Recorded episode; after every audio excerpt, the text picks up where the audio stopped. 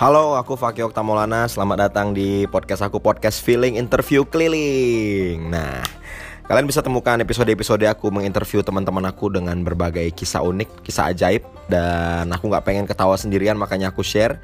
Ada juga monolog-monolog tentang hal yang aku pengen kasih tahu. Mungkin semoga berguna untuk teman-teman yang nonton atau minimal kalau nggak berguna menghibur.